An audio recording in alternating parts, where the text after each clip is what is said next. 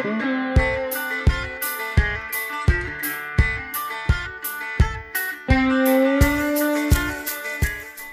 hei, og velkommen til podkasten Goffeng på leting. På denne podden skal vi ha lange, rolige samtaler hvor vi leiter etter svar og forklaringer på hvorfor den tida vi lever i, er såpass polarisert og kaotisk som den er. Podden er eh, produsert i samarbeid med tenketanken Agenda, men det er jeg som står ansvarlig for innholdet. Og det innholdet vil vi gjerne ha kommentarer på på Facebook-siden, som også heter Goffeng på leting. Vi har også lyst til å være litt lytterdrevet. Så hvis dere har forslag eller ønsker om hvem vi skal snakke med, og hvordan og hvorfor, så tar vi veldig gjerne imot det også. Så eh, velkommen, som sagt, og vi snakkes.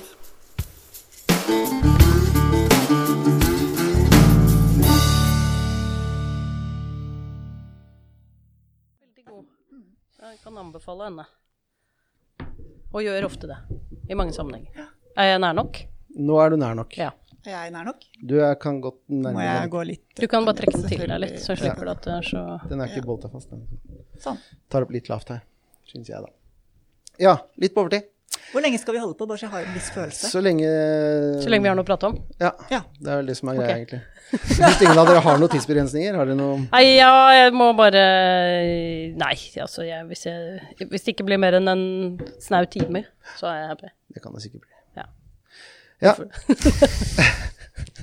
det varierer her fra tre kvarter til to og en halv time, liksom. Ja. Ja, jeg må også gå sånn halv fem, sånn sirkus. Så. Vi blir ikke Vi blir høyst sannsynligvis ikke tomme for ting å prate om. Nei, nei. Dette kommer til å gå så fint, sånn. Ok, vi skal snakke om uh, Her er Anine Kierulf og uh, Kjersti Torbjørnsrud. Så da skal vi selvfølgelig snakke om ytringer og ytringsflate og hets og alt som er gøy. Det var jo også en måte å si det på.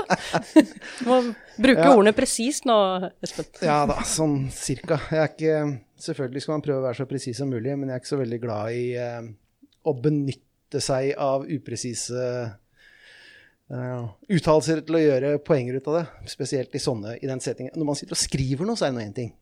Når man sitter og prater løst, så er det noe helt annet. Er ikke det som er eh, moderne om dagen, da? Å prøve å vrangtolke folk mest mulig? Veldig poppis. Ja. Ja. Lage stråmenn og vrangtolke. Det er veldig ødeleggende. Altså, det er jo mye, en mye lettere enn å diskutere sånn grunnleggende spørsmål om EU-tilknytning, f.eks., å bare henge seg opp i at Erna har sagt nazi Ja. fra talerstolen. Eksempel. Ja. Enten vreng, vrang, vranglese eller å plukke ut de enkeltorda. Ja. Quote mining, er ikke det det kalles? Nei, det er kanskje Det er fint ord på Quote engelsk. mining. Man leiter bakover og finner et eller annet, en eller annen setning, og så river man den helt ut, og så Ja. har man det man trenger. Hun har en gang sagt Og da er det, men det er bare i negativ variant, for det er sånn hun har en gang sagt Nei, dette, så hun er diskvalifisert. Eh, Det er aldri sånn på den annen side. Hun har en gang sagt dette som er veldig positivt, så kanskje hun er rekvalifisert igjen. Det er ikke sånn. Det er litt sånn som med innleide mennesker ofte. Man kan gjøre en så dårlig jobb at man mister jobben, men man kan aldri gjøre en så god jobb at man er garantert å beholde den.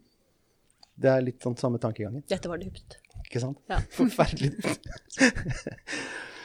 ok, så grunnen til at jeg veldig gjerne ville ha dere to her, og takk for at dere kom begge to, på forholdsvis kort varsel i hvert fall, er at jeg er litt frustrert igjen uh, over mediebildet. Um, for jeg uh, syns ikke det speiler virkeligheten spesielt godt.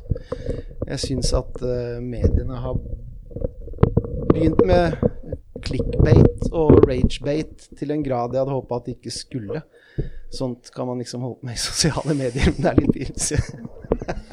det er litt pinlig når ordentlige medier holder med dette. Jeg, akkurat når det gjelder dette med netthett, så har vi en kjempedebatt på gang nå. Jeg syns ikke jeg, jeg finner ikke Kjersti, du har forska på dette i flere år. Eh, jeg har lest flere av disse forskningsrapportene, både de du har vært involvert i, og de andre har vært involvert i, både her i Norge og internasjonalt. Mediebildet for meg har veldig, veldig liten kontakt med de forskningsresultatene. Sånn som jeg ser det. Eh, Så det er litt sånn tallknusing. Men først en liten ting. Og det er, det er, det er sånne overdrivelser som jeg blir litt oppgitt over. Det var en, en Høyre-politiker vel for tre-fire dager siden som sa at Facebook er en pøl av hat. Og forakt, vel? Er det ikke Ja. forakt hvor det var, ja, Er ikke dette et fast uttrykk Jo, fra gamle dager? Det er mitt inntrykk. Men altså, hva gjør det der, da? Hva, er- hva er vanlige menneskers opplevelse av Facebook, liksom? Er det en pøl av hat? Altså, alle vi tre er ganske heftig involvert i den politiske debatten om dette her. For meg er ikke Facebook en pøl av hat, og jeg tror det gjelder 95% av befolkningen. Hva mener dere?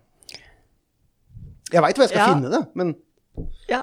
Nei, altså dette er eh, mange gode spørsmål, og jeg tror ikke jeg har noen sånne svar med to streker under eh, når det gjelder akkurat hvordan det ser ut der ute. Fordi det å utforske, det å utforske forekomsten av disse ulike variantene av hat, hets, ubehagelige kommentarer, det er ikke lett. Eh, og hvilke resultater du får, kommer veldig an på hvilke definisjoner du bruker, og hvilke utvalg du har. Så der kan jeg egentlig bare komme deg i møte med en gang. Jeg syns at mediene og journalistene bør være mye, mye mer forskningskritiske, rett og slett. Jeg syns særlig på dette temaet her. Så hvis man har en rapport, så er det jo liksom bare Dere slukes rett. Det er ikke noe spørsmål om kontekst, det er ikke noe spørsmål om hvordan har du definert det. Så det, det er nå et sånt lite hjertesykk når det gjelder eh, forskningsjournalistikk, da. Eh, og så er det, jeg må bare si litt mer om hvorfor det er vanskelig. Det er også fordi det er veldig veldig strengt personvernregulert. Sånn at man kan ikke gjøre systematiske innholdsanalyser av folks innlegg på nett. Eh, Og eh, ofte så baserer vi oss på spørreundersøkelser, da. Og da spør vi jo folk. Det, men det er på en måte det er en grei metode, det. Eh, Men det vil jo også avhenge av hvordan folk definerer er du blitt utsatt for hat eller hets? Og folk vil nok være litt forsiktige, eller litt forskjellige der.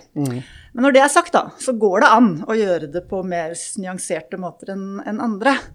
Og når du har sånn som for samfunnsforskning, det er særlig kollegene mine som har forska mye på, på dette med hat og hets på nett. Jeg har eh, vært litt sånn i, i grenseland.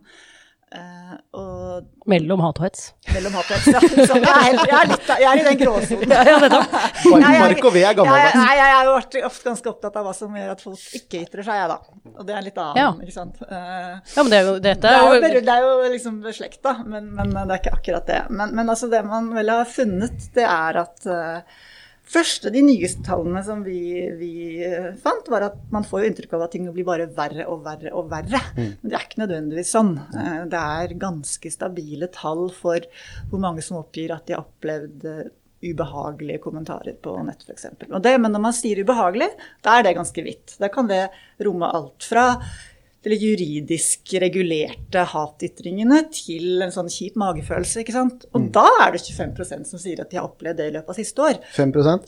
25 mm. det syns ikke jeg er så rart. Altså, Ja, Det er jo ganske ubehagelig egentlig kan å diskutere det er- diskutere noe som helst på nett. Så ja, og også er det, Det trenger ikke være daglig, det trenger ikke være ukentlig. Det kan ha skjedd, og da Ja. svarer de ja. ikke sant? Så det, det tenker jeg. Eh, Men når du prøver da å definere om de har blitt utsatt for det som mer sånn juridisk, som Anine kan eh, mye om, eh, som har med det som kalles vernede grunnlag å gjøre. Er du blitt angrepet på grunnlag av eh, etnisitet, religion, eh, kjønnsuttrykk, så er det jo et bi- bitte lite mindretall som sier at de har opplevd det. Eh, Da er vi nede i 3-4% av befolkningen generelt. Men når du da går på minoritetsgrupper og undersøker forekomsten der, så øker, så øker tallet, selvfølgelig. Og da er det også litt avhengig av hvordan man eh, måler, fordi at det er også notorisk vanskelig å få tak i disse minoritetsgruppene via server. Men, men det er nok ingen tvil om at de, særlig hvis de er aktive på nett, har mange flere opplevelser av den typen enn befolkningen generelt. Da. Det, og så, ja, så kanskje hvis vi har eksempel en undersøkelse som blant LHBT-personer, jeg har det foran meg her, jeg tenkte jeg bare skulle ta det med, da viser at eh, da oppgir sånn 3-4% av befolkningen generelt, mens 18% av de som identifiserer seg som LHBT-person, at de har opplevd det. Så at det klart at da, det øker. Så jeg tenker jo at eller å holde tunga litt rett i munnen her. Én ting er å begynne å snakke om at eh, det er hets og hat er overalt. Eh, men det er også en felle å si at eh, nei, men det er ikke noe problem. jeg, jeg, jeg vet ikke om noen som sier det. At det ikke er et problem. Eh, Men Nei. er det, Jo da, jeg har fått Er flere responser på det når jeg skriver, dette er, men dette er ikke noe problem. Men jeg bare tilbake til premisset for spørsmålet ditt, egentlig, nemlig at en politiker går ut og sier at det var jo ikke en pøl av hat og forakt, da, det var et dårlig sitat fra den politikeren også, veldig unøyaktig politiker åpenbart, men uh, spøk til side. Det er jo ikke så uvanlig, kan du si, at eh, folk overdriver uh, de problemene de beskriver. Altså, de trenger ikke å være representative problemer man beskriver. Og det, eh, det gjør jo ikke at det ikke er virkelige og viktige for dem det gjelder. Sånn at jeg tenker at det går an å um, forholde seg til at man har en, en større grad av oppmerksomhet omkring denne, form, denne utfordring, ettersom flere kommer på sosiale medier og opplever noe av dette, eller hører om noe av dette. Mm. Eh, selv om forskning viser at det, problemet heldigvis ikke er veldig stort. Mm. Fordi det at det ikke er et veldig stort eh, Problemet er ganske lite, og ytringsfriheten er ganske stor. Det hjelper jo ikke dem som mm. faktisk blir utsatt for det. Mm. Når eh, overlevende etter Utøya-terroren rapporterer om Altså, det er jo det er ganske jævlige meldinger de får. Eh, så er det et kjempeproblem for dem, og egentlig for, for oss, ikke sant. Fordi ytringsfrihet handler jo om at uh, altså En av begrunnelsene for ytringsfrihet er jo at man skal prøve å få flest mulig ulike synspunkter til å kunne brytes mot hverandre fritt i offentligheten til enhver tid. Mm. Og jo flere som ikke orker å være i den offentligheten, jo flere stemmer går vi glipp av. Så det er ikke bare kjipt for dem, det er dumt for oss også, hvis vi er opptatt av ytringsfrihet og demokrati, da. Um, men bare tilbake til Kjersti spilte opp ballen her med For kloke ord som jeg tror 99% er enig i. Ja, det er sånn jeg snakker ofte. Ja. ja.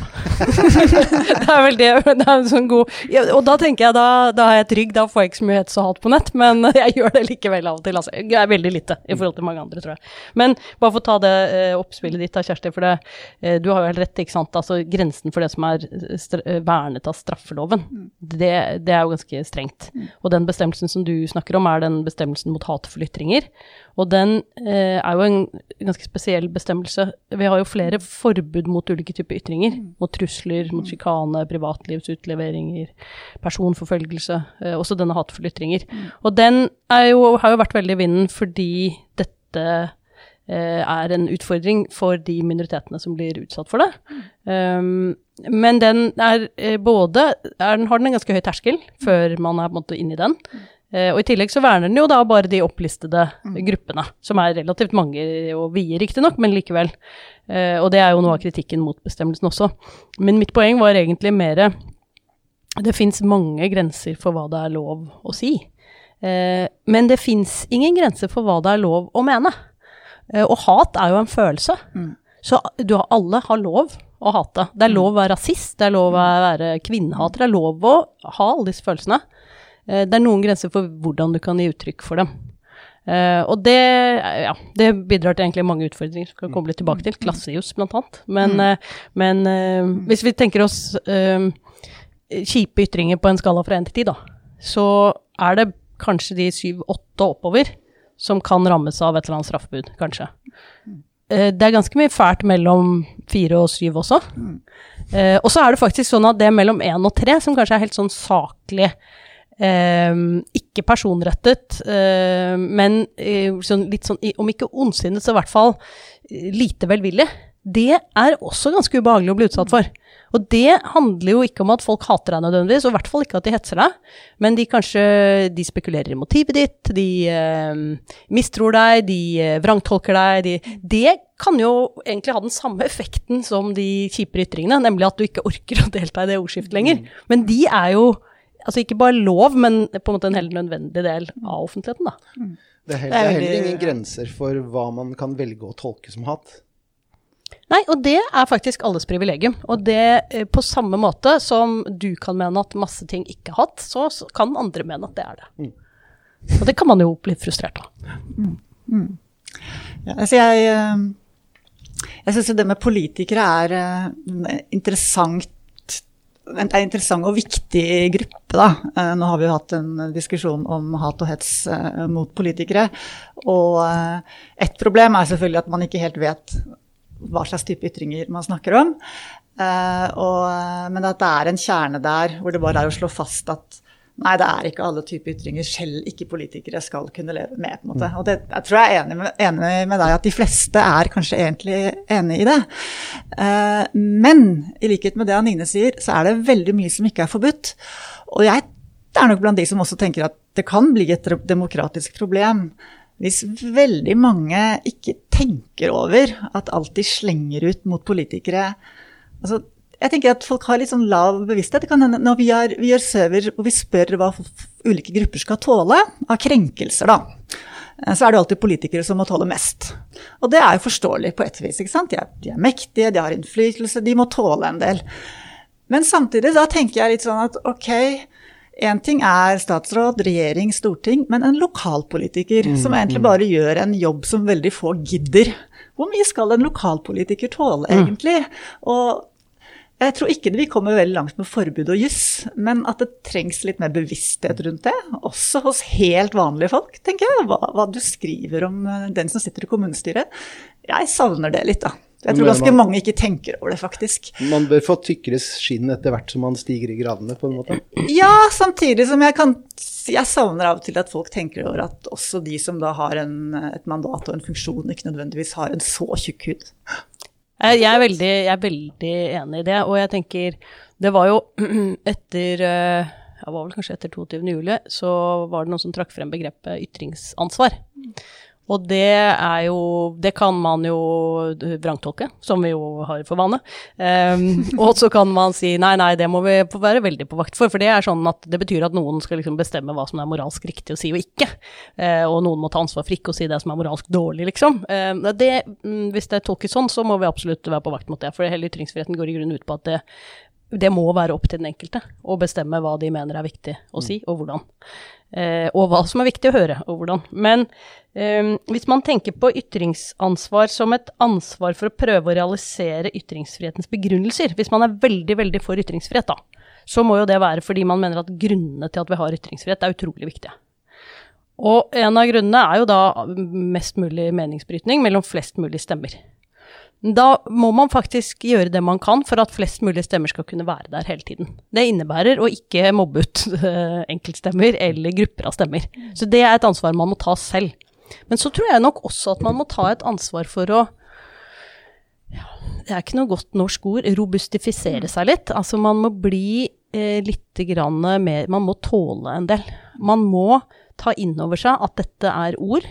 Eh, at det er ord som kommer fra uh, motparter som kanskje ikke har satt seg inn i saken, kanskje føler på avmakt, f.eks. For i forhold til politikere, uh, kanskje er jævlig frustrert over et eller annet.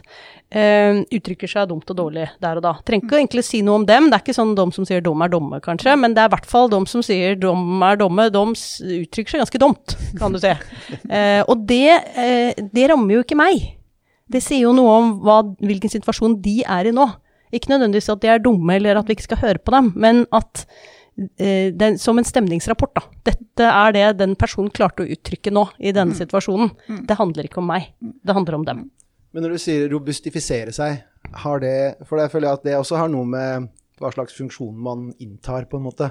Hvis man kaster seg inn i politiske debatter uh, av de mer brennbare temaene, så er det i hvert fall lurt, om ikke påkrevd, at man robustifiserer seg litt. Men det som skjer nå i visse tilfeller, er at folk som egentlig ikke har noe med sånne debatter i det hele tatt, plutselig blir dratt inn i ting. Det, det syns jeg er litt gufsent, for da, man, da kommer det som lyn fra klar himmel. Ja, og jeg, jeg er helt enig i det. Og jeg, um, eh, jeg mener ikke at dette er lett, for jeg syns selv det er vanskelig. eh, og det er etter lang trening å være i offentlig debatt. Men jeg tror kanskje altså Det er jo noe med å ha oppmerksomhet om fenomener og utfordringer som gjør at eh, vi skjønner mer av dem og klarer å håndtere dem litt bedre. Sånn er det med hatefulle ytringer og um, problemet med hets og mobbkultur på nett. Eh, men sånn er det også med forståelsen av betydningen av å kunne være uenig, og at det er ufarlig at noen er uenig med deg. Så jeg, altså Det er jo løsningen på alt da, når man ikke aner hva man skal gjøre nå. Det er jo enten holdningskampanjer eller å putte det inn i skolen. Og, og jeg tror egentlig at man må starte før. Det må starte i barnehagen. Ja. Det er en, en drive mot konsensus i det norske samfunnet som er veldig sterk i den offentlige debatt. Vi tror at vi mm, setter pris på uenighet og masse ulike syn, vi gjør ikke det. Vi er veldig drevet mot at folk skal bli enige og være venner. Eh, og det er veldig fint å være vennlige, men vi trenger ikke å være enige for å være vennlige. Eh, og vi kan godt være dønn uenige og vennlige likevel. Og hvis vi trenes mer i å være saklige og vennlige, og kanskje ikke så vennlige uenige, og at det er ufarlig at noen er uenig med oss, eh, så tror jeg iallfall at den voldsomme frustrasjonen man føler ved at ens eget synspunkt overhodet ikke blir akseptert eller lyttet til eller hørt på eller får gjennomslag noe sted, eh, da kan man få en forståelse for hvorfor det blir sånn, iallfall. Mm. Fordi van det vanlige egentlig er å kunne være uenig, og det er det ikke i det norske samfunnet. Men Peker det norske samfunnet seg ut der? Du skulle si noe. først. Ja, det, men det gjør det faktisk. Mm. Det er noen undersøkelser på det. Norge ligger veldig høyt på sånn eh, Konformitet. konformitet, ja. Så det er ganske interessant. Mm. Får du si litt mer om det? Nei, altså jeg, jeg, jeg kjenner ikke til den forskningen, men det har vært gjort komparative undersøkelser mellom land, hvor de har hatt noen sånne ulike mål på hvordan de skal Jeg vet ikke helt hvordan de har målt det, men de har funnet ut at Norge ligger liksom på plass nummer én eller to eller noe sånt av konforme samfunn. Ja, i alle vestlige land, liksom. Ja, det er på, så vi ligger liksom på linje med andre, med autoritære land, Ja. bortsett fra at vi er et liberalt vestlig demokrati. Så det er litt interessant. Det er utrolig interessant. Ja, for, det er det, veldig, ja. for det er jo en sånn det, Dette har ikke jeg studert, eh, så jeg er kjempenysgjerrig på det. Men sånn eh, um, Det er jo en sånn blanding i Norge mellom et slags eh, anarkistisk sinnelag og et veldig sånn konsensusorientert sinn. Hvor, hvor, hvordan, jeg vet ikke helt hvordan det går opp. Vi, vi er vant til å sitte på hver vår tue i hvert vårt distrikt og, og føle, føle oss meningsberettiget til alt. Ikke har vi hatt adel, vi har ikke noe sånn sans for autoriteter og sånn, men det der skal, det, Men kanskje det er noe med det òg. Vi har ikke hatt de store forskjellene. og At det også er litt sånn, den der likhetstankegangen også Ja. sitter litt der, da. Og så er vi et lite land. Jeg tror det må ha noe med det å gjøre Jeg òg. tror jeg altså lite land langt ute på grensen av geografien, på en måte. Så- Eh, Hadde vi vært Belgia, så hadde det vært noe annet midt iblant Ja. eh, masse stridigheter. Men her oppe på berget så eksisterer vi helt på egen hånd, liksom. Har, vel, har i hvert fall gjort, da, i store deler av historien. Kan kanskje ha med det å gjøre. Og det med størrelsen. For det er, det er, altså, jeg syns det er utrolig deilig å bo i et land hvor jeg kan dumpe borti en hvilken som helst minister på trappa Ja, ja. i til Litteraturhuset en hvilken som helst dag. Liksom. Det er utrolig deilig, altså. Og du har den der nærheten mellom Det har jeg skrevet om og gjort mye på før. Den nærheten mellom medier, journalister og toppolitikere. Den er jo helt unik. Ja. Altså, det, den er Men den er jeg også litt usikker på, fordi jeg driver og skriver på noe om det akkurat nå. Om personifiseringen av mediebildet, på en måte. Fordi eh, Jeg skal ikke nevne navn her nå, for da blir det slumsete. Jeg får heller spare det til jeg skriver. Men man kunne slå liksom hardt eh, Man kunne ta Aftenposten, Tanta, den store tjukke avisa, dunke den i bordet og si det står i Aftenposten. Og det er autoritet i, på en måte. Nå er det mer sånn Se hva hun skriver, da. Se hva han skriver, da. For jeg kjenner Altså, jeg er litt sånn hybridperson, da, for jeg ligger midt imellom liksom, offentligheten og folk som skriver. Nå er det jo bare han eller hun som har sagt noe igjen. For de er jo på sosiale medier, og de lar seg intervjue dybde, personlige dybdeintervjuer i andre medier. og Den derre autoriteten som lå i å være skribent i en stor avis, den tror jeg har falma rimelig betraktelig de siste åra. Mye pga. sosiale medier. Det blir litt som Hollywood, liksom. Disse menneskene var mystiske og langt unna. Og nå kan du se dem eh, hjemmeintervju i underbuksa omtrent. Eh, Ja, det er litt interessant. Jeg tror ikke det også er litt at vi er en sånn så synseklasse hvor vi føler at vi egentlig kjenner hverandre alle Kanskje. sammen, og hvor Andre også kommentatoren er ganske nær oss. Jeg vet ikke. Vi Jo. er på fornavn på sosiale medier. Mange Men jeg, jeg snakker jo med folk som ikke har noen Ja. ting med mediebildet å gjøre i det hele tatt, som også snakker på den måten. Det er jo bare han og hun. Men var det ikke sånn, i hvert fall de som var eh, litt sånn eh, eh, altså, Sånn har det jo vært lenge. Altså, de kommentator, jeg leste Da skjønner du at jeg falt i gryta ganske tidlig, før jeg egentlig skjønte selv. Da. For jeg, jeg leste ikke så mye aviser da jeg vokste opp, men jeg leste alltid Gudleiv for i Dagbladet. og det har jo forblitt et Det har jeg jo fortsatt med til han sluttet å skrive, egentlig. Um, uh, så på ingen måte følte jeg Det som er veldig annerledes nå for meg, da, siden jeg kanskje er med i den der synsklassen, uh, det er jo at jeg etter hvert blir kjent med folk, fordi jeg interagerer på en ulike måter. Men, men um, eh, jeg tenkte jo egentlig Jeg tror ikke egentlig jeg skilte så sterkt på autoriteten hans og autoriteten til Dagbladet på det tidspunktet. Altså det var sånn Det var bare aviser og avisfolk. Liksom. Sånn var det for meg, i hvert fall. Men det er kanskje at det var eh, sært. Jeg vet ikke. Jeg vet ikke. Som sagt, det er vanskelig å måle akkurat den når man eh, er i den der andedammen litt sjøl, i hvert fall. I hvert fall har sett blant de som jeg har intervjua, folk som har veldig lav tillit til de etablerte mediene. Eh, og som gjerne går til de alternative mediene for å finne informasjon som de stoler mer på. Og der ser vi at de, har en, de bygger seg opp et slags repertoar som er personifisert. Ja. Og de finner informasjon mye gjennom folk de følger, og litt sånn opinionsledere.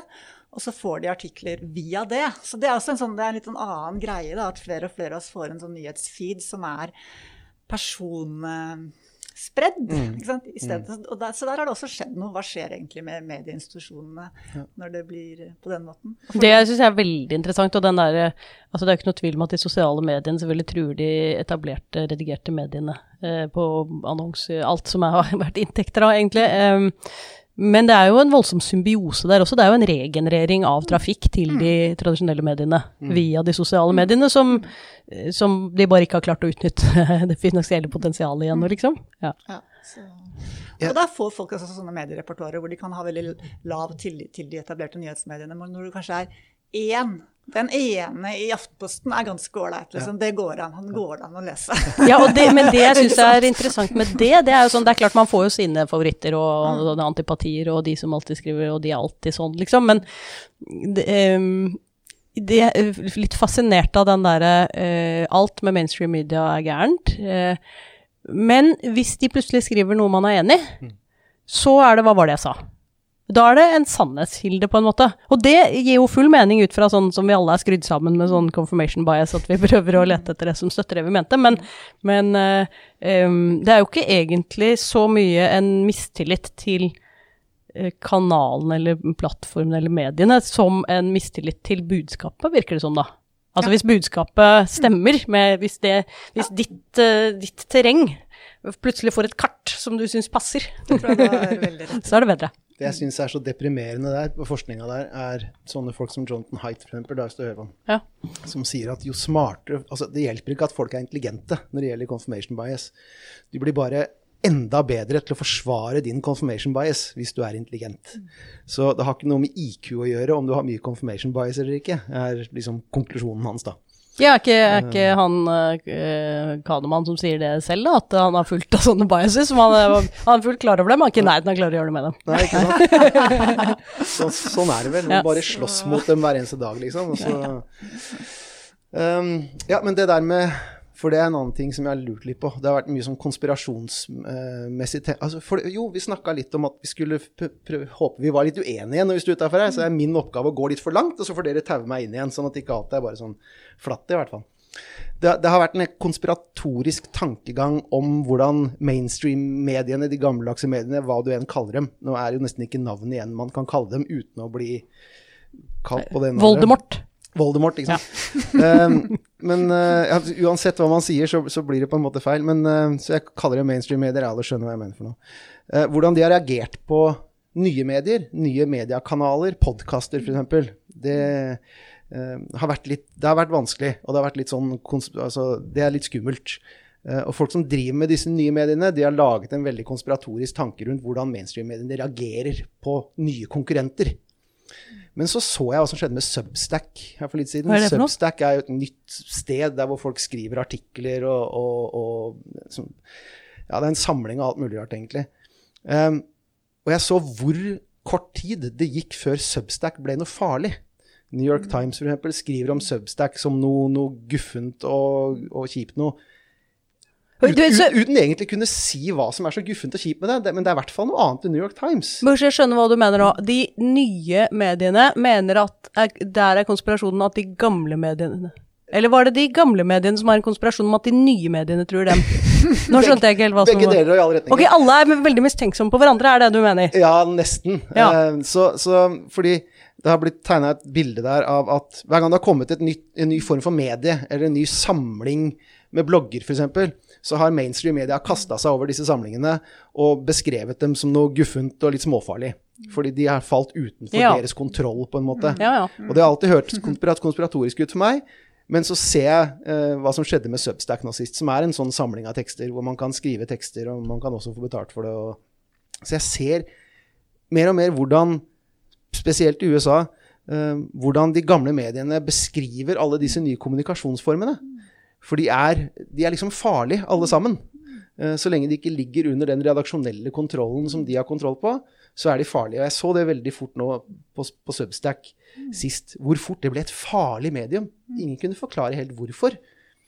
Så, så, men er ikke dette det er helt. Du sitter og nikker litt. Hva? Jo, nei, men altså, det er jo, det er jo åpenbart uh, noe i det du sier på den måten at det kommer utfordrere. Mm. Og det er veldig viktig for pressen og nyhetsmediene å markere grensene sine og begrunne hvorfor de har en privilegert posisjon. Det er klart det. det og det har de jo. ikke mm. sant? De har, de har presseideologien sin, de har en privilegert rolle i demokratiet. Og så skal ikke noen andre komme her og erstatte dem uten videre. Det er klart at her skjer det markeringer. Det, det, det gjør det jo. Ja, det og så er jo spørsmålet hvor godt de begrunner det, da, og om de gjør seg fortjent til den, den rollen de har. Av og til så har jeg tenkt at Trump var på en måte en ulykke på så mange vis. Jeg tenker også han var en ulykke for liksom, den der mer sånn liberale venstresida i forhold til å være spørrende og nysgjerrig. Fordi det gikk her liksom ser ut som det har gått ned noen klaffer, hvor man bare sier stopp før man undersøker Ja. ting kritisk. Da. Og det har han liksom han har rammet, han har liksom rammet eh, sånn kritisk spørrende offentlighet på så mange vis. Mm. Og det har også blitt en sånn tendens til eh, gruppetenkning. Alle er på system 1 hele tiden. Ja, Ja. og det er et veldig godt eksempel, Canva, eh, tenker jeg, er jo den, eh, den utviklingen som nå har skjedd med hvordan man ser på mulighetene for at det kan oh, ha skjedd en lekkasje i Wuhan, ikke sant? Og man vet ikke det, det ennå, men plutselig så har jo da Biden og han som har ansvaret for Hva heter han for noe? Han, Fauci. Jeg har sagt at jo, det kan være en mulighet. Og da har det snudd. Men inntil det så har det vært en ren konspirasjonsteori på linje med alle andre sånne helt farfetched konspirasjonsteorier. Da tenker jeg at det kan være en sånn vekker. Slutter vi å spørre? Slutter vi å granske fordi, vi, fordi en eller annen Trump eller en eller annen radikal høyrefigur har på en måte sagt at det kan være noe der? Og det er veldig bra poeng. Jeg ble selvfølgelig sittende og tenke mens du snakket på den andre siden, men det er, poenget ditt er mye bedre, egentlig. For jeg ble sittende og tenke hva skjer med alle de andre konspirasjonsteoretikerne nå? Når det der, der viser seg å kanskje ikke være konspirasjon. Da er sånn Da stemmer jo alt, liksom. Men nettopp derfor så blir Ja, ja. det på en måte de som eh, er høyt på banen og sier at vi representerer den kritiske, grundige, enten det er forskningen eller journalistikken, må jo da altså, Ja, nei, vi taper jo hver Ja. gang det, det skjer, hvis en sånn konspirasjon eller et, en eller annen tese som har blitt fordømt og ikke undersøkt, viser seg å være sant. Jeg- det er jo de som allerede ikke har tillit, de vil jo bare få vind i seilene. det Jeg, jeg bare, det, men det er jo noe sånn, det er noe, noe sånn dypt menneskelig. Jeg er enig i det der. Det er jo egentlig bare sånn stimulus-respons. ikke sant? Det går ned noen klaffer, som du sier. Eh, Men, eh, men er ikke det ganske menneskelig? da? Jeg jobber på et universitet. Det er veldig sjelden at de liksom hegemonene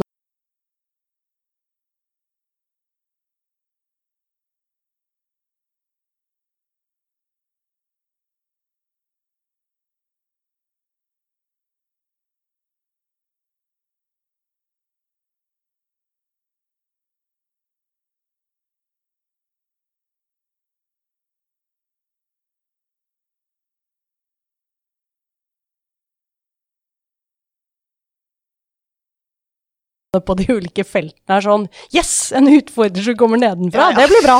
Det kommer til, å bli helt strålende, dette her. Hjertelig velkommen. Jeg har bare sett dette ordentlig bra én gang, og det var når de fant Higgs-bosonene i Large Hadron Collider nede i, nede i Sveits, Frankrike.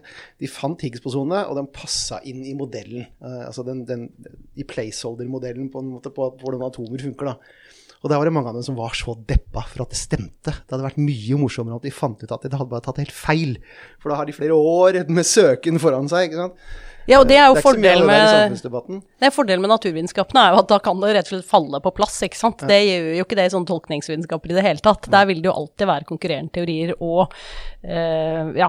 Nei, men jeg er veldig enig med deg, Kjersti. Det, jeg tror jo, uh, og så er det jo alltid en kjerne av uh, noe sunn skepsis og kritisk, og kritisk tenkning i bunnen der. ikke sant? Hva, hva gjør det egentlig med den offentlige samtalen at det som var den fjerde statsmakt, plutselig blir utvannet til steder der hvor alle kanaler har like mye rett? Altså, det Ja, er jo et åpenbart problem for mange ting. ikke sant?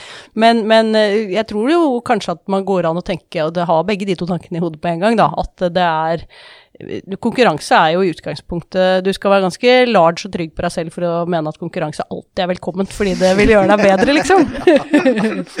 Absolutt. Eller veldig prinsipiell. Er veldig prinsipiell, det går. Men altså, jeg tenker at litt sånn tilbake til det som var utgangspunktet for samtalen, det med debatten om, om hat og hets og sånn. Eh, og når du da trekker inn det, er det som skjer i disse grensedragningene. Jeg tenker jo det at vi er nå Vi har noen medier, og vi har et mediebilde som det er så ferskt, og det er så nytt, og det er så overveldende. Så vi har på en måte ikke rukket å utvikle Vi er helt i sandkassa, vet du. Vi er er Ja. helt i sandkassa. Så jeg er litt sånn norm, enten så er vi normløse, eller så blir vi veldig litt sånn trangsynte og sier at nei, dette, dette må vi få kontroll på. Sånn. Så vi har ikke helt funnet ut av det. Og når man studerer mediehistorie, så er det ikke noe nytt med sånn moralsk panikk og, og, og sånn. Men det er heller ikke noe nytt med at ting skjærer ut. Jeg har jo lest om hvordan tabloid tabloidpressen da den oppsto liksom på slutten av 1800-tallet i USA, men også da den kom til Norge. Altså, De skrev jo ting man aldri, aldri kunne skrevet i en avis i dag. Ja, det var sjikane, og det var sladder, og det var blod og gørr. Og så får man på en måte profesjonalisering, og det skjer noe, så finner man liksom ut av det.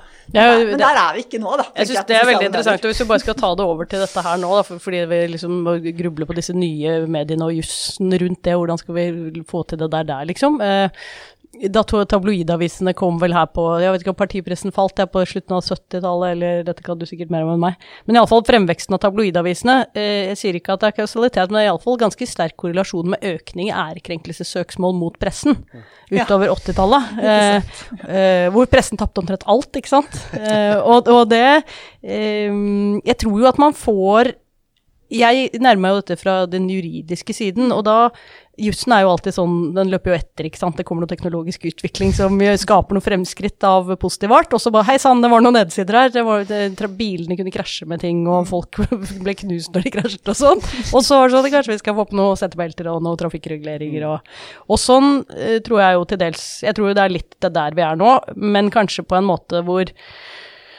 den teknologiske utviklingen fordi den går så fort, og kunst, kunstig intelligens og alt mulig rart, og algoritmer og alt som jeg ikke egentlig kan noe om i det hele tatt, jeg bare ser effekten av dem, eh, passer ganske dårlig med den demokratiske forankringen som lovreguleringer må ha, da. For den er veldig treg, ikke sant. Det skal ut på høring, og det skal tenkes gjennom med NOU-er, og kommisjoner skal sitte i flere år og gruble på ting og sånn. Um, sånn at kanskje man må rett og slett tenke nytt om regulering. At man må samarbeide med aktørene om en annen type reguleringsform på en annen måte enn det man har gjort frem til nå, da. Fordi aktørene er så store og mektige. Og da tenker jeg så da, da savner jeg, selv om folk er jo klar over det, men jeg syns at når vi kommer til å diskutere dette med hat og hets og sånn, så blir det også veldig mye moral. Og det blir veldig mye en fordømmelse av folk. Uh, og det, det, det er jo forståelig, men spørsmålet er jo om det, er, om det funker. Om det bidrar til at det blir eh, mindre utrivelige Spørsmålet debatter er der ute. Og det, jeg, jeg har jo også prøvd da å intervjue folk som eh, deltar i de der gråsonedebattene. De er ganske vanskelig å få tak i, da, så jeg fikk ikke snakka med så mange av de. Men da er vi ikke nødvendigvis på de som bryter loven, men det er de som er veldig opptatt av f.eks. innvandring eller islam eller klima, og som er der ute og deltar i den gjørmebrytingen, rett og slett.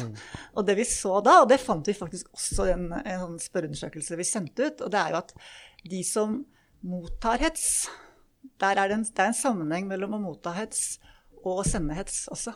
Og det peker litt på at det er, så det er ikke nødvendigvis bare sånn at det er ett passivt offer som mottar masse dritt. Det er også dynamikker her hvor du har skyttergraver og folk driver og fornærmer hverandre, rett og slett. Og prøver å få Og de prøver også ganske sånn systematisk å få hverandre utpå.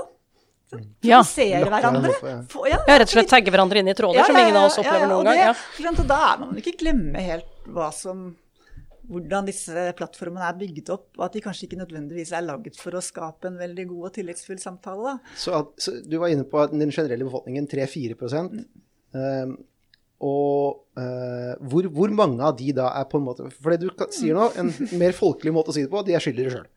Altså, For du er med på sånne, og du kaster, kaster noen, dit, og du får drit tilbake igjen. ikke, ja, dette gjelder jo ikke alle. Nei, men det er, også det er, det, del av akkurat det jeg skulle spørre om. Er Hvor mange av dem tror du det gjelder? Nei, det er litt sånn, det er vanskelig, det er vanskelig å si. Vi bare så at blant de få som oppgir sant, Når du spør folk har du har du sendt en hetsende eller ubehagelig ytring, så er det faktisk noen som sier ja. Det skulle man nesten ikke tro de ville svart ja på i et spørreskjema i det hele tatt. Eh, men da har de også ofte vært mottakere av hets. Så det gjelder i hvert fall i noen miljøer, og noen av de som er aktive, der er det litt sånn mobbe, mobbe hverandre-greie. Men det som også var interessant da, når vi, når vi snakket med de, Først så var de ikke spesielt stolte av de debattene. De syntes egentlig ikke det var særlig, var særlig gode debatter.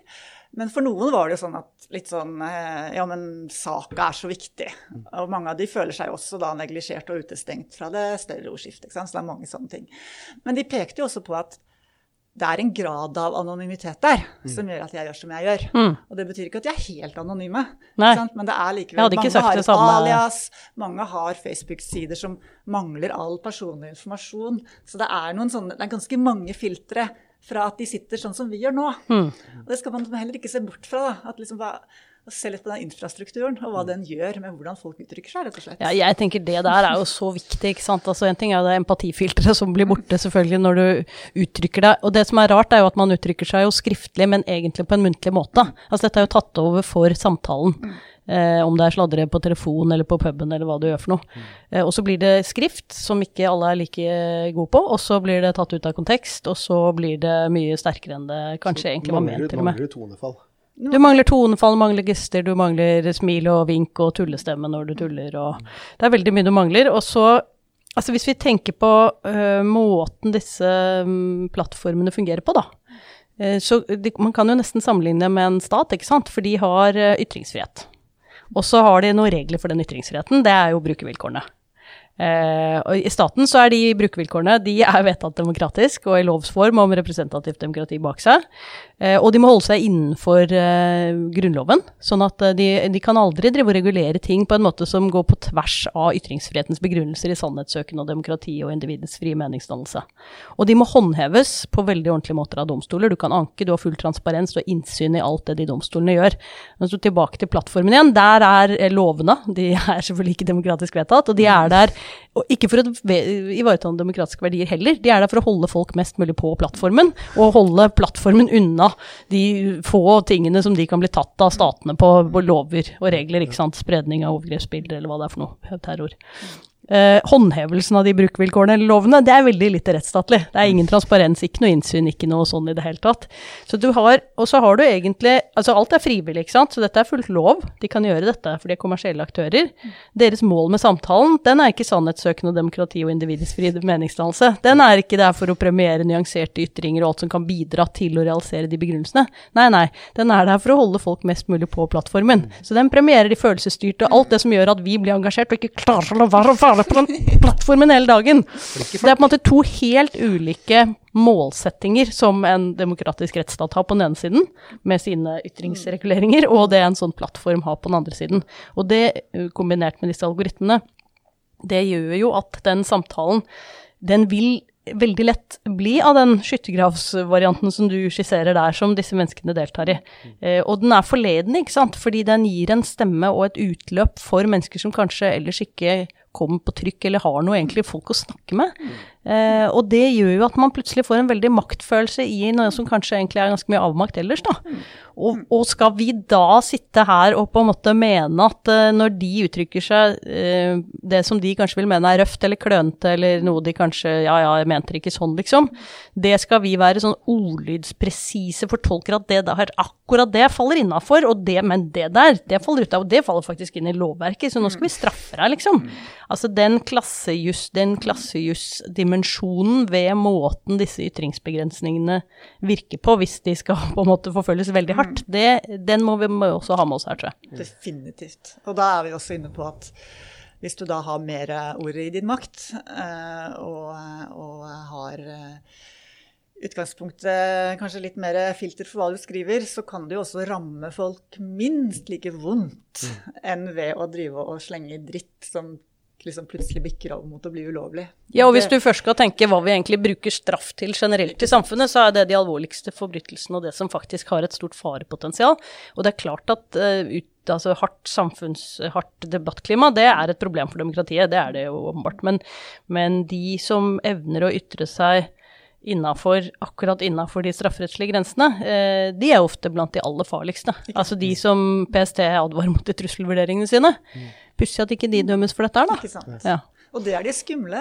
Og så er det de moralsk oppbrakte, som jo også kan uttrykke seg utrolig nedlatende og veldig foraktfullt overfor disse folka, som mm. de jo syns er litt ja, sånn deplorables. Ikke sant? Og det er også ganske sånn ubehagelig å, å lese og være vitne til. Her kommer det inn en annen sak som jeg har lyst til å prate om, og det er hetsen som ikke er hets. For det er veldig, veldig mye angrep og veldig, veldig mye som legger lokk på disse samtalene, som ikke ikke kalles hets, og aldri er med i undersøkelser om hets. Fordi det er ikke hets. Men Sissi Wallin skrev en sak her i går. Uh, Sissi Wardin, for de som ikke kjenner henne, er uh, feminist i Sverige. Uh, har vært veldig Altså, hun er woke, rett og slett. Hardcore woke.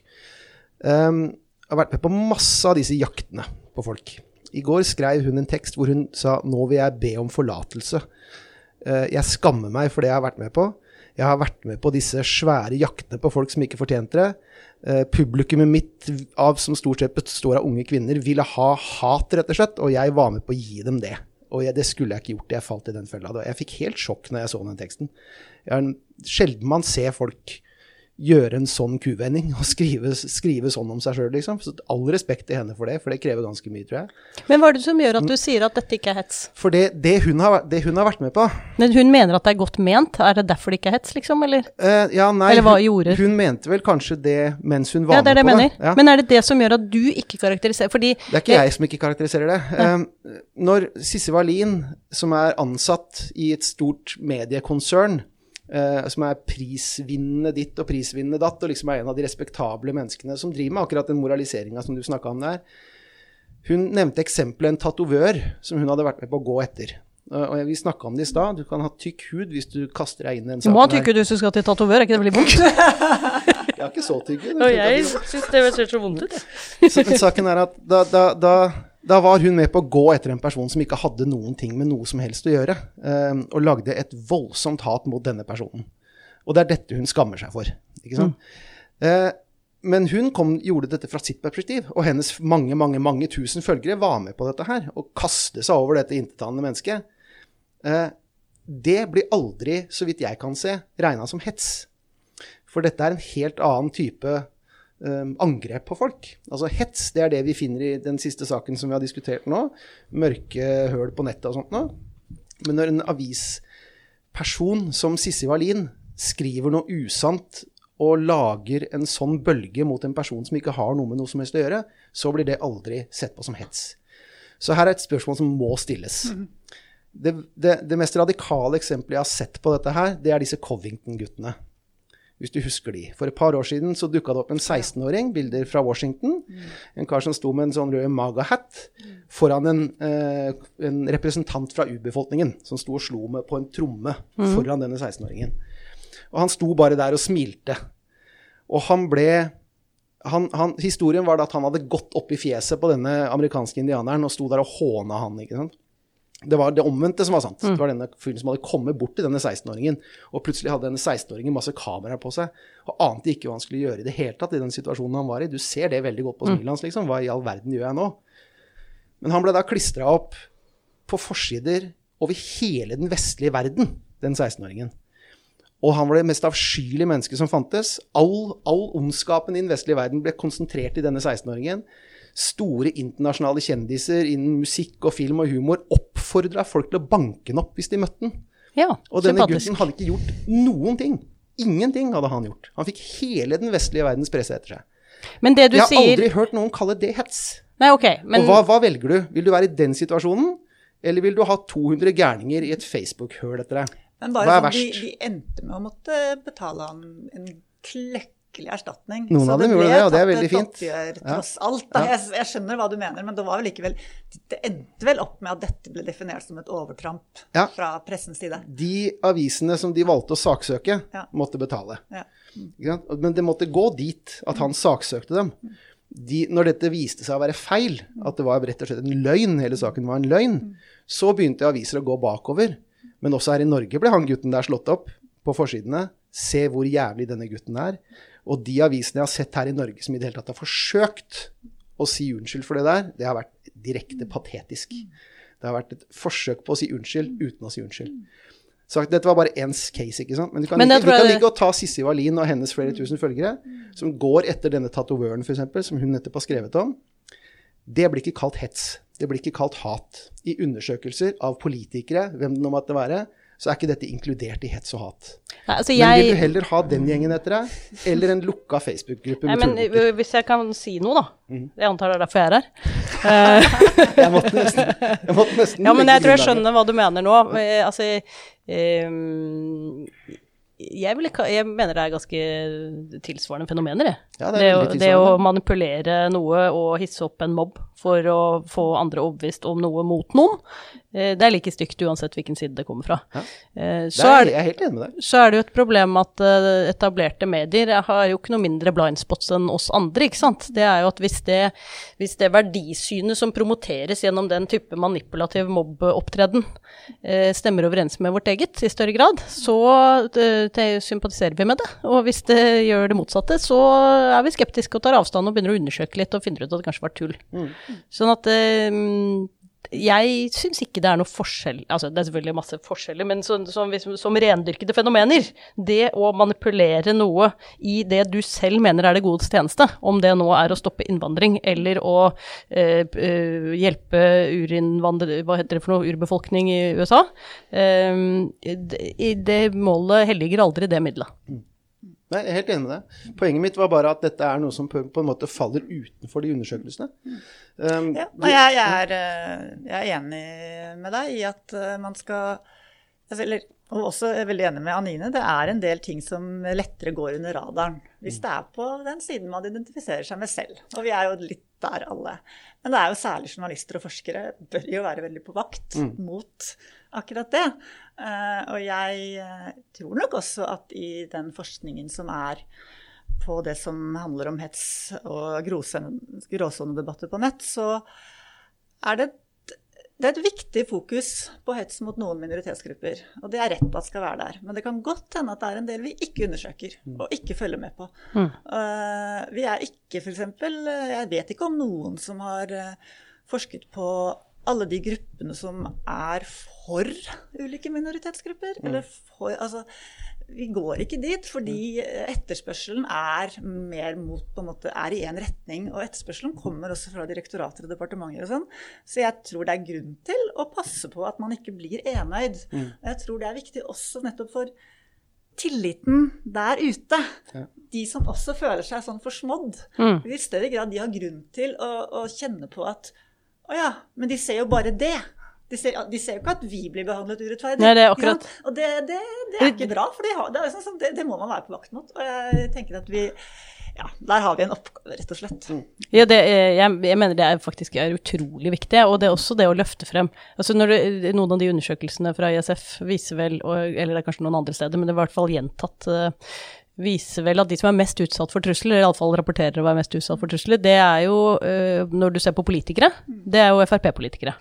Sånn at øh, det å måtte ha med seg det perspektivet der, øh, når du blir sinna på Sylvi Listhaug som setter i gang en eller annen greie, og får, genererer masse hat, og all kritikk til henne for det, liksom se litt på alt hun får tilbake igjen. Ikke sant? Altså dette eh, Man har veldig Hun har gått med politibeskyttelse i Altså mange av disse politikerne gjør jo det, ikke sant. Og det snakkes det jo ikke så høyt om, og det er mange grunner til det. Men eh, eh, ikke ha noen illusjoner om at de du eh, syns er håpløse, ikke blir utsatt for mye av det samme, liksom. Altså mm. dette går eh, alle veier. Så det å og det, der ligger det jo Men det, du startet jo, da vi snakket denne samtalen her, Kjersti, med å snakke om at du av og til er litt skuffet over journalister som er litt, litt kritiske til forskningsrapporter. Jeg vil jo veldig nødig snakke ned journalister, både fordi jeg har jobbet for dem i 100 år som advokat, men også fordi jeg prøver å promotere formidling overfor mine kolleger på universitet som ikke alltid er så opptatt av det, og som syns at en av grunnene til det er jo at journalister er håpløse og alltid stiller gærne spørsmål, dessuten har de vinkler og alt er gærent, liksom. Det mener jeg, for all del, det er veldig mange gode, skikkelige journalister. Men det er også veldig mange eh, journalister som fordi arbeidshverdagen er blitt annerledes, og det er sikkert mange grunner til det, eh, for raskt eh, på en måte får et eh, inntrykk av en sak som farger eh, måten de behandler den på videre. Eh, og det trenger ikke være skille som Covington-gutten, men, eh, men, men dette gjelder jo hele veien. Prøv å få med Ikke sånn falsk balanse, da. Du trenger ikke alltid å ha med alle mulige folk i alle mulige debatter, men, men prøv å tenke gjennom hvorfor fokuserer vi på dette, er det hvis vi tenker prinsipielt om problemet minoriteter som stilnes eller mobbes ut av debatten, kan vi se for oss andre minoriteter her. Ja. Og det er mange minoriteter. Det er mange minoriteter. Vi er alle minoriteter. alle. Og de er ikke bare gode venner alle sammen, de heller. Nei, nei, det er det jo jeg absolutt ikke. Sånn, ja. For det, det, jeg begynte med, på en måte, var jo å si at jeg syns mediebildet ikke henger sammen med forskningsresultatene. Eh, fordi jeg leste, lest Jeg var jo veldig glad for at boka mi om dette her blei litt forsinka, for da kom den rapporten deres ut. Og der var det masse fint for meg å ta tak i. Um, For jeg blei jo veldig veldig overraska første gang jeg begynte å lese i rapporten her, om hvor liten forskjell det faktisk er på de forskjellige gruppene. Hvor mye hets de får. Kvinner og menn, f.eks. Ja, man tror jo, Det er jo ikke sånn at eh, det er jo menn som får mest trusler, f.eks. Ja, men altså leser jeg, leser jeg Nå har ikke jeg gjort noe vidtrekkende undersøkelse på dette her med statistikk og tjo og hei, men jeg vil påstå at noe i nærheten av 49 av 50 avissaker handler om unge kvinner som hetses av hvite menn. Eller noe i den duren der. Dette bildet er så ensidig at det er helt eh, latterlig. Nei, men som jeg sa, jeg skal, jeg skal dra dette ut, og dere det? skal dra meg. Vi kan gjøre det. Alle som hører på dette, kan bla seg bakover og se hva de finner for noe. I hvert fall så er Det er veldig det er, som er mi- det er milelangt unna forskningsresultatene deres. Det er ikke så ofte det er eh, hvite middelaldrende menn hetses av unge kvinner. Nei, det er ikke så ofte. Men, men, men altså eh, For det, hva er forskjellen her? Kvinner og menn. Du Nei, sier altså, at menn de- får mer trusler. De får mer trusler ja. når det gjelder jeg vil bare slå fast her og nå, det er ikke det inntrykket mediebildet vårt gir. Ikke. Og så får de vel ganske likt i forhold til sånn hets og ubehag. Men så er det det da at kvinner får mer rettet mot kjøn, sitt kjønn, da. Og sin, liksom, det som går på at de er kvinner. Og det, det er jo ikke alt Det kan jo godt hende at det er mer ubehagelig også, da, enn å få ubehagelige kommentarer på det, meningen din. Så, så liksom bildet er ikke det er ikke glassklart, men det er i hvert fall ikke sånn at kvinner får en brottsjø av dritt, og, mens menn ikke får det. Det, det, det har du helt rett i. Og så ser vi også, og det syns jeg er ganske interessant, og jeg syns det er litt sånn vanskelig å spekulere i forklaringer, men kvinner tar seg mer nær av eh, ubehagelige kommentarer og tilsynelatende også et røft ordskifte enn det menn i snitt gjør. Ja. Og vi ser jo nå Vi er noen sutrekopper. Nei, vi er litt mer mer ja. relasjonelle, er vi ikke det? ja, vi er, Altså, jeg sånn, ja, altså, ser jo tyngre. nå når vi holder på å lage nye undersøkelser om syn på ikke sant, når vi, Det jeg syns er interessant med å studere liksom, ytringsrom og syn på opplevelser av ytringsfriheten i Norge, så er det på en måte å se både på i hvilken, hvor folk setter grensene for hva som er for skadelig til at det er greit. ikke sant? For det er, alltid en, det er jo alltid en grense der. Eh, og så er det å se på i hvilken grad folk selv mener at de får for liten plass. ikke sant? Det er politisk korrekt, det er trangt. ikke sant? Det er noen sånne hoveddimensjoner. Og vi finner mange interessante ting, men vi finner jo også at liksom, skillet mellom menn og kvinner det øker. Kvinner er mer opptatt av ytringer som kan være skadelige, at det må man gjøre noe med. Mens menn er mindre opptatt av skade, skadepotensiale ytringer, og mer opptatt av at uh, liksom, ting er for politisk korrekt. Og at det er for sånn. Så det, jeg vet ikke helt hvorfor, men vi finner i hvert fall helt sånn klare skiller, da. og så ser vi også skiller når det gjelder uh, partiidentifikasjon og konfliktlinjer og sånn. Og Det er også interessant, da. Det kommer vi mer tilbake til. Fordi det er, det er en ganske stor, anselig andel av befolkningen som ikke føler seg godt representert i offentligheten, og som ikke føler seg godt representert i, i de etablerte mediene, og som har lavere tillit. Og som typisk eh, Mens liksom de som er godt definert på en sånn venstreliberal halvdel, de er mye mer fornøyd. Og det, det er Ok, så man må være der egentlig for å være fornøyd? litt, jeg er litt, litt sånn satt på spissen. da. Ja, for der igjen er det spørsmål om hvem som, hvem som rammes av hva, og hvem som eh, lar seg påvirke av hvilke Kall det angrep eller motsetninger, whatever. Eh, for å gjøre det personlig, da, så jeg, jeg, mens jeg jobba med Palestina-saken, så fikk jeg masse drit fra ytre høyre, ikke sant? Eh, inkludert dødstrusler. Det har aldri brydd meg noe særlig. Kanskje det var en feilvurdering fra min side, men det var sånn jeg opplevde det i hvert fall. Men jeg har også opplevd at mennesker som er respektable i det norske samfunnet, har rett og slett beint ut løyet om hva jeg har skrevet. Det er ikke en dødstrussel. For meg er det mye, mye mer ubehagelig. Ja. For de fleste er det sånn. For det første er det jo sånn, ikke sant. Så jeg vil tilbake til med Sissi Wallin igjen. Fordi at hun får 10 000 sånne prisbelønna mennesker, sånne mennesker etter deg, eller denne, en horve på en lukka Facebook-side. Jeg vil tro de fleste opplever det som mye, mye verre å få en prisbelønt aviskommentator etter seg. På noe sånn som den tatoveringen Ja. hun skrev om. Men det handler det, jo om dette er min lille kjepphest inni alt dette kaoset her. Det er denne woke-gjengen som tilhører venstresiden, som legger lokk på folk som er mer sentrum-venstre. Og det var også noe dere fant i den undersøkelsen dere gjorde. Eh, dere snakka med flere Dere gjorde noen kvalitative samtaler her også. Men det er ikke dette litt sånn makt og avmakt, da? Fordi det du Jo, egentlig snakker om, det er jo at uh, du blir ikke så rammet Altså en ting er jo uh, trusler fra folk som du egentlig kanskje ikke har så mye med å gjøre, eller eh, sånn, du respekterer dem ikke. Mm. Mens, mens det å bli angrepet enten saklig eller usaklig fra folk som besitter en annen makt, og som egentlig definerer mye av den offentligheten du prøver å snakke inn i og kanskje påvirke, mm. det rammer jo mye hardere. Og det rammer deg mye hardere også fordi du skjønner at det er mye farligere for budskapet ditt. Mm. Og igjen, dette går ikke inn under noe jeg har sett av kommentarer eller noe som helst som hets eller hat. Men jeg tror, vi tror at de aller, aller fleste er mye mer redd for det. Og da snakker jeg ikke om spesifikke personer, men de fleste på en måte. Jeg vil ha med oss dette. Ja, men Da er vi på liksom den grunnleggende menneskelige igjen. Altså, de færreste liker hard konkurranse hvis de blir utsatt for den. Og de aller færreste liker å utfordre de som betyr mye for dem. Altså, mm. Der du vanligvis finner støtte. Du, det som er dine, din gjeng. Å få veldig hard kritikk fra dem, det er veldig ubehagelig. Og det er ubehagelig for de aller, aller fleste. Ja. Så det, så det, og det finner vi liksom sånn gjennomgående. Nå intervjuer vi forskere om hva som går inn på dem. Mm. Og det er klart at jeg tenker det er sånn skille Hva er, hva er foreløpig funn? Eller Nei, altså ikke jeg forskutterer så veldig mye der. Men det er noen veldig få forskere, akkurat som det er noen andre få politikere sånn, som får reelle trusler. Og da tenker jeg, da, da er man redd, ikke ja. sant? Men veldig mange får en type trusler eller hets fra noen sånn som de ikke bryr seg om, og som de ikke er redde. Og da er det ikke så farlig. Ja. Så lenge ikke de blir, ikke tar det på alvor, trenger å ta det helt på alvor, så er ikke det så farlig.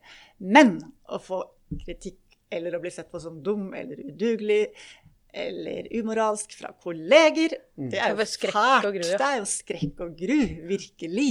Men her har du jo, dette er jo veldig interessant, for det tror jeg jo gjelder i, i, i maktapparatet også. Ja. Altså hva er det som gjør at makt konsolideres? Mm. Og da tenker jeg ikke bare sentralforvaltning, men helt generelt. Det er jo nettopp det at du Eh, du har ganske Du har såpass stor respekt, ikke for bare for fagfeller, mm. men for de som det er departementsråden, det er de som har mm. makt på mm. statsministerens kontor, eller hva det er for noe. Så det, det legger du deg ikke Du trykker ikke likes engang på Facebook hvis du sitter i deler av sentralforvaltningen og mener noe, altså. Mm. Det gjør du ikke. Nei, nei. nei. Så, så, det Jeg har en tekst her som ble skrevet av um, av uh, generalsekretæren i Norsk redaktørforening. Jeg vet ikke om dere leste den? Han skrev en tekst i Vårt Land i forrige uke. Jeg skrev en ny en i dag. Den er enda bedre. Å oh, ja, ok. Da har jeg ikke fått med Men der, jo, det første lille jeg skal nevne derfra, det er dette med hvor hatefulle kommentarer kommer fra. Fordi eh, han skriver at det er eh, gjort en undersøkelse i regi av Retriever Norge eh, som sier at opp til nå, liksom, så har omtrent 25% av hatefulle kommentarer kommet fra kvinner. Mens i begynnelsen av koronaperioden så er det nå oppe i 43% sier den Retriever-undersøkelsen. Og så setter han noen voldsomme spørsmål ved premissene ved undersøkelsen. Har du sett det der? Uh, jeg har bare lest om den. Ja. Så jeg har lest den kommentaren. Jeg har ikke sett på selve undersøkelsen. Ja. Men jeg syns jo det virket som innsigelsene var ganske godt begrunna. Ja, han skriver For det, denne setningen her, sånn, sånne setninger som dette er forferdelig lange for at det ikke skal stykkes opp, selvfølgelig. Men vi snakka litt om hva som er grensene for hva som skal være hatefulle ytringer og sånn. Han skriver at ifølge denne undersøkelsen til eh, Retriever Hatefulle ytringer forstås som stigmatiserende, nedsettende, krenkende, sjikanerende eller truende ytringer som rammer individets eller en gruppes verdighet, anseelse og status i samfunnet ved hjelp av språklige og visuelle virkemidler som fremmer negative følelser, holdninger og oppfatninger basert på kjennetegn som f.eks. etnisitet, religion, kjønn, nedsatt funksjonsevne, seksuell orientering, alder, politisk syn, sosial status, geografisk tilhørighet eller tilhørighet til nasjonal minoritetsgruppe. Alt. Da, vi, da, har vi en vid definisjon. Ja, prøv å si noe annet enn en kjapp kommentar om pålegg på en brødskive, så rammes du av dette her, liksom. Ja, særlig hvis du snakker om Nutella. Da er du antakeligvis ganske langt inne i hatt. du sitter ikke her og ikke liker Nutella? Uh, nei. Um, uh, og jeg foretrekker ikke prim heller. Men uh, hva, hva, hva syns dere om denne definisjonen? Nei, hva skal man si? Det høres ut som du da får med deg altfor mye. Dette mm, Som jurist så er man jo litt opptatt nettopp av sånne definisjoner, og, og særlig når du jobber med sånne um, ytringsbegrensninger. Da kommer det opp i to problemer juridisk. Det ene er jo hvilken lovdefinisjon du holder på med. Hva mm. er en hatefull ytring? Men straks du har klart å tolke deg frem til det, sånn noenlunde, så står du overfor en ny tolkningsoppgave. Og det er den ytringen du står overfor. Hva er egentlig meningsinnholdet i den? Mm. Det kommer jo veldig an på hvem avsenderen er, hva konteksten er. Snakker du nedsettende om jøder eller muslimer? Mm på Urix, så er det veldig annerledes enn å gjøre det på trygdekontoret. Mm. Ikke sant? Sånn at uh, du, du, klarer egentlig aldri å fange opp um, det som er straffverdig eller kritikkverdig heller, gjennom bare definisjoner av hva som kan rammes. For du vil alltid få med deg altfor mye og litt for lite. Ja. Ja. Fordi språket vårt er så komplekst og fungerer på så intrikate måter med understatements og ironi og uh, utrolig mange andre typer språklige virkemidler, at du kan egentlig aldri gjennom sånne definisjoner fange opp det du egentlig vil fange opp. Et godt eksempel på dette er jo sånne kommunikasjonsstrategier, som selvfølgelig er laget i beste mening, om de nå er på skoler eller i kommuner eller rundt omkring. Uh, og de er jo laget for at man skal ha best mulig debatt, ikke sant. Bidra til det offentlige ordskiftet på en positiv måte de ender jo alltid opp med å begrense altfor mange ytringer. Eh, og på en ulovlig og grunnlovsstridig måte, gjerne. Eh, men også å eh, gjøre folk såpass usikre at de egentlig ikke kommuniserer noe godt om det de har lov til, og det er ønskelig at de kommuniserer om heller. Så det å prøve å regulere seg ut av eh, det, de utfordringene språket vårt skaper, det, det, gjør du ikke noe lett med lover og regler. Du må ha avveiningsmomenter og forståelse for på en måte ytringsfrihetens begrunnelse på den ene siden, og de begrunnelsene som fins for de ulike grensene på den andre siden. Mm. Tror jeg. Ja, det er ikke lett. Hva, hva er, hva, vi, vi har holdt på i um, litt over en time. Har du litt mer tid, eller? Bitte litt. Bitte litt. Jeg vil høre, hva er de største bekymringene deres akkurat nå? Din ytringsflate, og har du noen pet peeves? Kjersti? Å, det er vanskelig, ass. Uh, det, var, det, er sånn som jeg, det er sånn som jeg pleier å spørre om det når jeg intervjuer folk som forsker. Avslutningsvis, kan du Bare sånn dra det på Nei, jeg tror det er liksom det der å treffe den planken, ja. Mellom Når det gjelder å Altså det er på disse nye mediene så får vi noen avarter av ytringer som måtte, er med fordel bør slås ned på. Liksom. Og det må tas på alvor. Men samtidig så er jeg, apropos det Anine sa i forhold til sånne velmente regler og sånn, jeg er like bekymra og opptatt av alle de som ikke hever stemmen og som ikke tør å si noe. Mm. Og som kanskje egentlig som er så langt fra nettroll du kan komme. Taus majoritet, ja. Ikke sant? Men som, som, hvordan skal du få de med? Jeg var, var lille, på Lillehammer på Festspinn i Lillehammer og snakket for ungdom sammen med Nancy Hertz. Og da var det også veldig mye sånn fokus på hvordan ungdom skulle lære seg demokrati og debatt. Og det er jeg på en måte veldig, veldig for. Men så kjente jeg litt sånn herre Herregud, hvor flinke må de være da, for at de skal kunne ytre seg på sosiale medier, liksom? Skal vi, skal vi liksom ja, Så det er et eller annet der, da. Det der å treffe den planken som, som handler om å også gi, gi, det rommet for at det er ikke så farlig. For det er ganske mange som trenger å høre det òg. Ja. Ja, Tror jeg slutter der, jeg. Ja.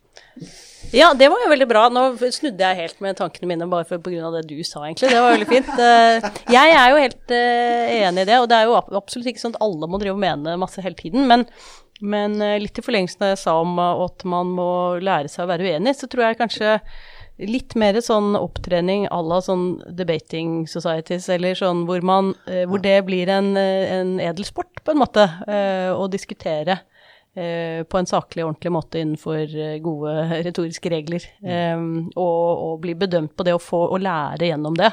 At det kan kanskje bidra til å gi flere en stemme, som gjør det lettere for dem å uttrykke seg. Um, for, for, de fleste av oss mener jo noe, ikke om alt og ikke hele tiden, men, men uh, i hvert fall for å avbøte noe av den frustrasjonen som oppstår når man mener noe som man ikke klarer å gi uttrykk for, eller ikke kommer frem med, da. Um, og så spurte du om en pet piv, og det for meg er alt dette snakket om hat og hets Lite annet om at det var det som var livet. Nei, at uh, alt dette snakket om hat og hets, det er selvfølgelig viktig, og det er viktig å fokusere både på at vi alle prøver å bidra litt mer konstruktivt kanskje til samtaledebatter, og kanskje tåle litt mer og sånn, men jeg har av og til lurt på om ikke det største utfordringen i samfunnssamtalen for en åpen og opplyst offentlighet, som det heter i Grunnloven, om ikke det er vår manglende evne eller vilje til å prøve, i fravær av gode holdepunkt for noe annet, å tolke hverandre i beste mening. Kan vi prøve å konstruere motpartens posisjon så fordelaktig som mulig for dem, og så argumentere mot det tolkningsresultatet der, istedenfor den derre elendige stråmannen som det jo ikke krever noen sportslig innsats å slå ned i det hele tatt. Og da blir det ikke fullt så farlig der ute heller, apropos det jeg sa, om at liksom oppmuntrer folk til å snakke. For det er ikke så farlig Og bidra til at det ikke er så innmari farlig heller. Fordi det er faktisk et sånt rom for forståelse der. Ja, og, og, og, og den, den største gleden man kan ha, det er å innrømme at man tok feil. Det er faktisk utrolig deilig og befriende. Jeg gjorde dette her, Du snakka om covid i stad, for jeg også avslo det som en konspirasjonsteori. Det var helt feil av meg å gjøre det. Så jeg har vært med på å skape den stemninga som, som, som førte til at det ble ansett som en konspirasjonsteori man ikke skulle snakke om. Og det var feil. Det er utrolig deilig å skrive den statusen. Så jeg kan tenke meg hvordan Sissi Wadin hadde det her når hun skrev den statusen sin. Men det er steelmanning istedenfor strawmanning er slitsomt, altså. Det er steelmanning det Ja, det er det som er det motsatte, selvfølgelig. Ja, ja det har jeg ikke tenkt på det uttrykket, men det er fint. Ja, det er veldig slitsomt, og, og, eh, og kanskje er det så slitsomt at det vil eh, virke dempende på noen eh, veldig impulsive, slemme, kjipe ytringer, og det er kanskje ikke så dumt. Jeg satt her i forrige episode og gjorde det med Line Khatib, som er leder av Palestina-komiteen, og jeg er også på den siden, liksom. Vi satt der og prøvde å steelmanne eh, de argumentene vi møter. Det funka sånn passe bra. Det var ikke alle som var like fornøyd, men eh, det er en ganske festlig øvelse. Det morsomste her, for å gjøre det på Blindern, med studenter på Blindern, eh, å lage grupper som Nå skal dere argumentere dette med bakgrunn i det dere har lest de siste. F tvinge dem til å faktisk argumentere mot seg selv. Og du ser at noen av dem liksom, stålsetter seg. ikke sant? Og noen av dem rister liksom på huet på vei ut av det seminarrommet for å bli kvitt dette greiene de har trøkka inn i sitt eget hue i løpet av de to siste timene. Det er utrolig er- artig å se uh, hvordan det der foregår. Hvis de gjør den jobben skikkelig, så kan det faktisk gjøre det, uh, en forskjell for dem. liksom. Dette er faktisk, uh, tror jeg Jeg har egentlig aldri Jeg tror jeg var litt tilfeldig at jeg endte med Serius også, men dette tror jeg er eh, grunnen til at jeg endte med Serius. Det var en uh, lærer vi hadde idéhistorie på i første gym eller noe sånt, som laget rettssak mellom ideologiene. Ja. Og så måtte vi representere ideologiene, og så måtte vi bytte etter hvert. Ja, og det og det var eh, veldig lærerikt. Sånt er universitetet til for. Jeg får helt hår over hele kroppen når jeg hører at universitetet skal være et safe space. Dette steder som er bygget for å være det mest utrygge rommet i hele samfunnet, liksom. Ja, eller egentlig ikke, vet du. Det er bygget for å være den sandkassa. fysisk, men- ja, det er bygget sandkasse. for å være sandkasse hvor du kan, du, kan, du kan eh, erfare at du overlever å få en spade i huet og, Nemlig, og sand i kjeften, liksom. Ja. Jeg får helt uh, Uff, nei, det er helt krise. Syns jeg, da. Men jeg overdriver aldri, så der er vi der. Ok. Uh, ikke noe mer som vi føler at vi må innom? Speak now or forever hold your med? peace. Nei, jeg syns vi har vært inne på ja. en god Mye, i hvert fall. Vi kommer til å komme på. Fanken, hvorfor tok jeg ikke på det? Ja, Trappespøkelser. Ok. Ja, men da avslutter vi for denne gang sesong tre, episode fem. Takk for at dere kom. Takk for Takk for at vi fikk komme.